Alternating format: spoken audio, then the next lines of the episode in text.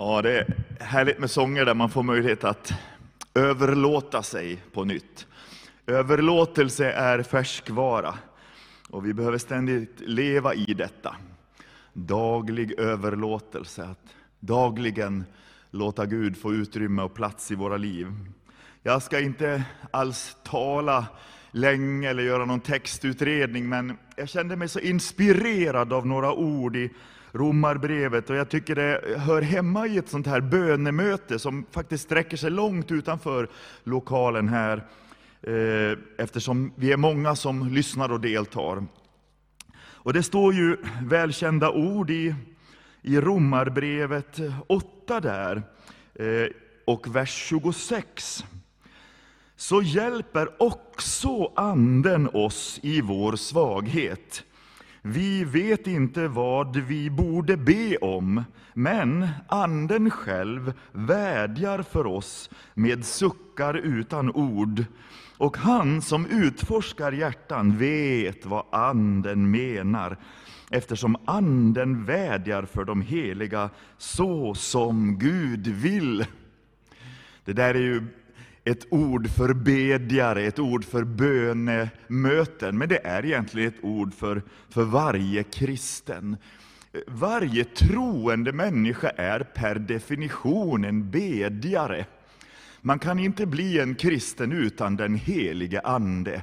Det är Anden som föder på nytt. Det är Anden som för in hela det liv som kommer från Jesus i våra hjärtan.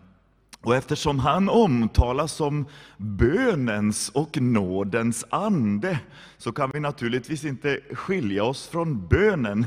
För så att säga, den kommer ju i samband med att själva anden ger, gör entré i våra liv. Vi blir bedjare. Att vara en kristen och att vara en människa i bön är faktiskt synonymt. Och därför har troende människor i alla århundraden, ja i årtusenden, varit i bön.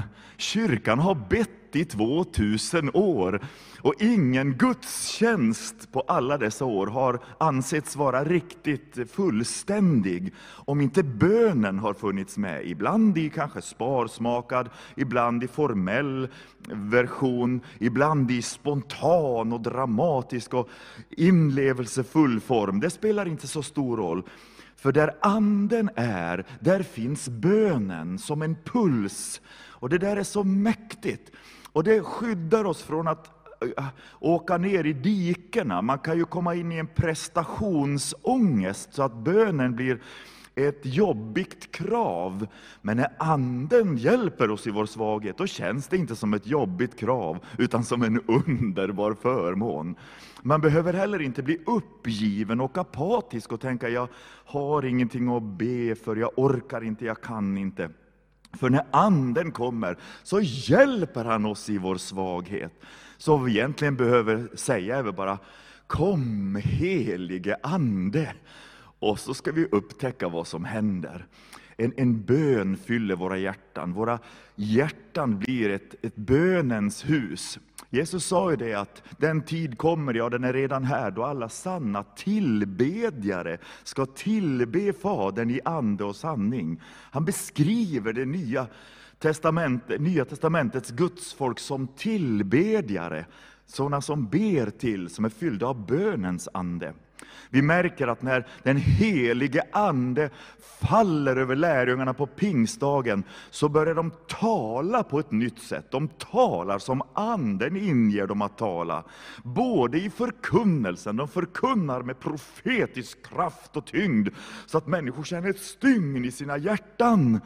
De talar till varandra, enligt Paulus, i psalmer och hymner och andlig sång i kraft av nåden. Och de sjunger och spelar för Herren av hela sina hjärtan.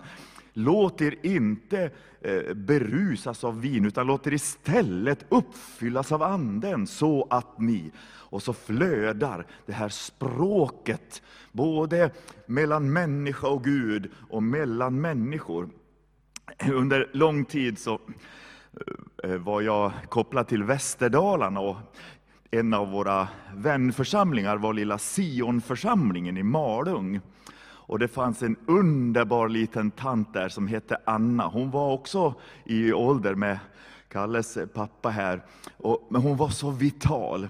De yngre i församlingen kunde se lite småslöa och ointresserade ut, men aldrig Anna. Hon lyste som en sol på alla möten, vilken typ av möten det än var.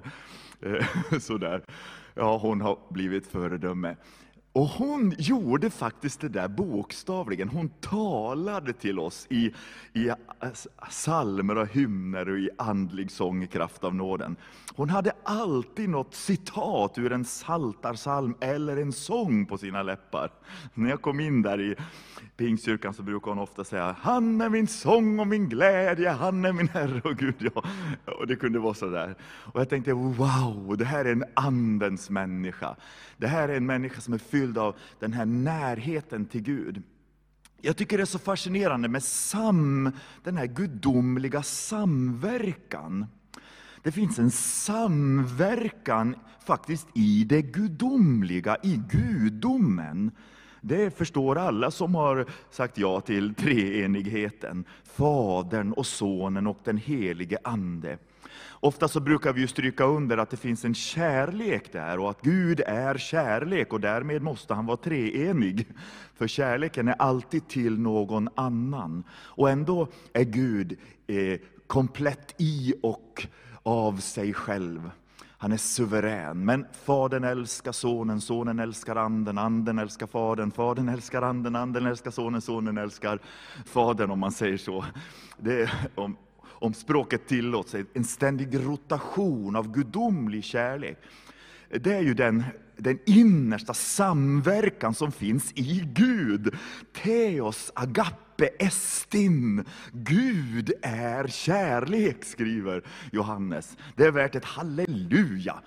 Men det är inte bara den samverkan, detta djupa bekräftande och glädje över den andre i enheten, utan också samverkan i återlösningen. Hur Fadern ger eh, gudsbarnen till Sonen, Sonen försonar dem, och så ser han, säger han att Anden ska ta av det som är mitt och föra vidare till er. Ser ni vilken samverkan?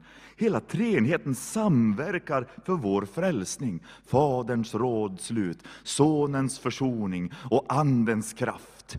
Vi har skaparen, försonaren och livgivaren. Och det är en samverkan. Och, och, Det här är så mäktigt, för kolla här, va? så hjälper också anden oss. Vad då också? Är det någon mer? ja men visst, lite längre fram kommer Paulus att skriva så här.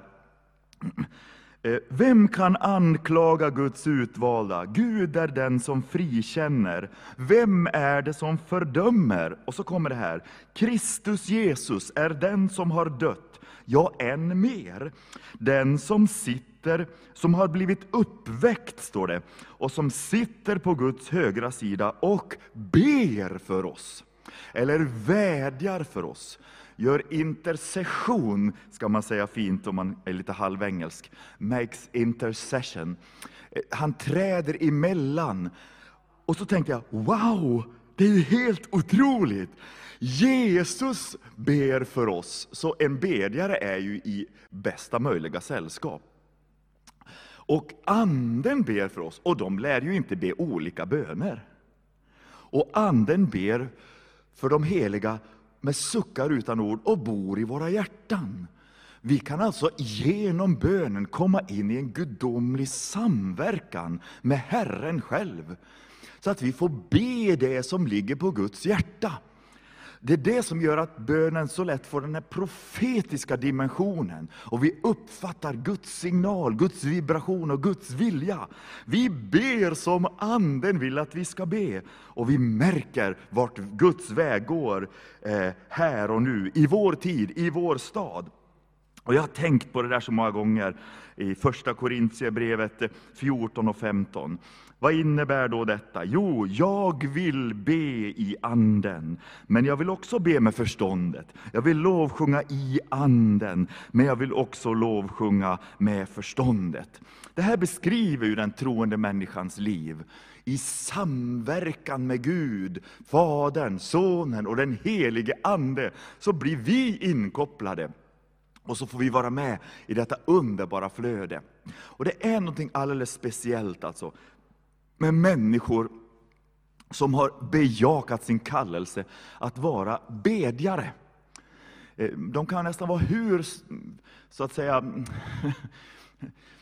teoretiska och, och liksom tekniska som helst när man pratar om, om andliga ting. Sådär. Men bara de förmår att be, så är det inte hela världen. Och Man kan nästan vara hur ängslig, och orolig och vilsen som helst, men bara man förmår att be, så är det ingen värre fara. Oh, vad det är viktigt att vi är bedjare. Och kanske ju mer vi närmar oss tiden för Jesu återkomst, desto mer bör vi ta Bibelns uppmaning på allvar. Var nyktra och vakna så att ni kan be. Jag har själv upplevt att bönens bro, bönebron, som, som Einar Ekberg och Einar Värme sjunger om med full kraft, gå bönernas bro, den bär. Och det är sant. I alla livets skiften så bär bönebron. Ibland har jag naturligtvis varit glad och entusiastisk och fylld med vision och framtidstro. Och det har gjort att jag har velat be och komma inför Gud med min längtan, med min önskan och det jag tycker jag ser att, att det är hans vilja och väg. Ibland har jag känt mig ganska eh, vilsen och inte vet vart jag ska vända mig. Men det har också drivit mig till att komma inför Gud med min vilsenhet. Det har funnits tider då det har varit riktigt, riktigt tungt med utmattningsdepression och svår ångest. Men även då har jag märkt, alltså jag har nästan sagt till mig själv, det var då märkvärdigt. Daniel, du slutar ju aldrig att be. Det finns liksom inget känsloläge eller in, inga omständigheter som kan slå hål på det där. Varför det? För det är ju inte min grej. Det är ju anden som bor i mitt liv. Och han är bönepulsen, bönemotorn. Han uppehåller mig med den här gudomliga samverkan.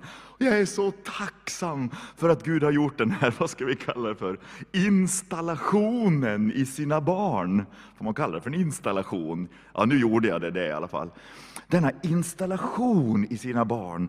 Vi vet inte vad vi borde be om. Vi kan vara vilsna, vi kan vara trötta, vi kan vara distraherade.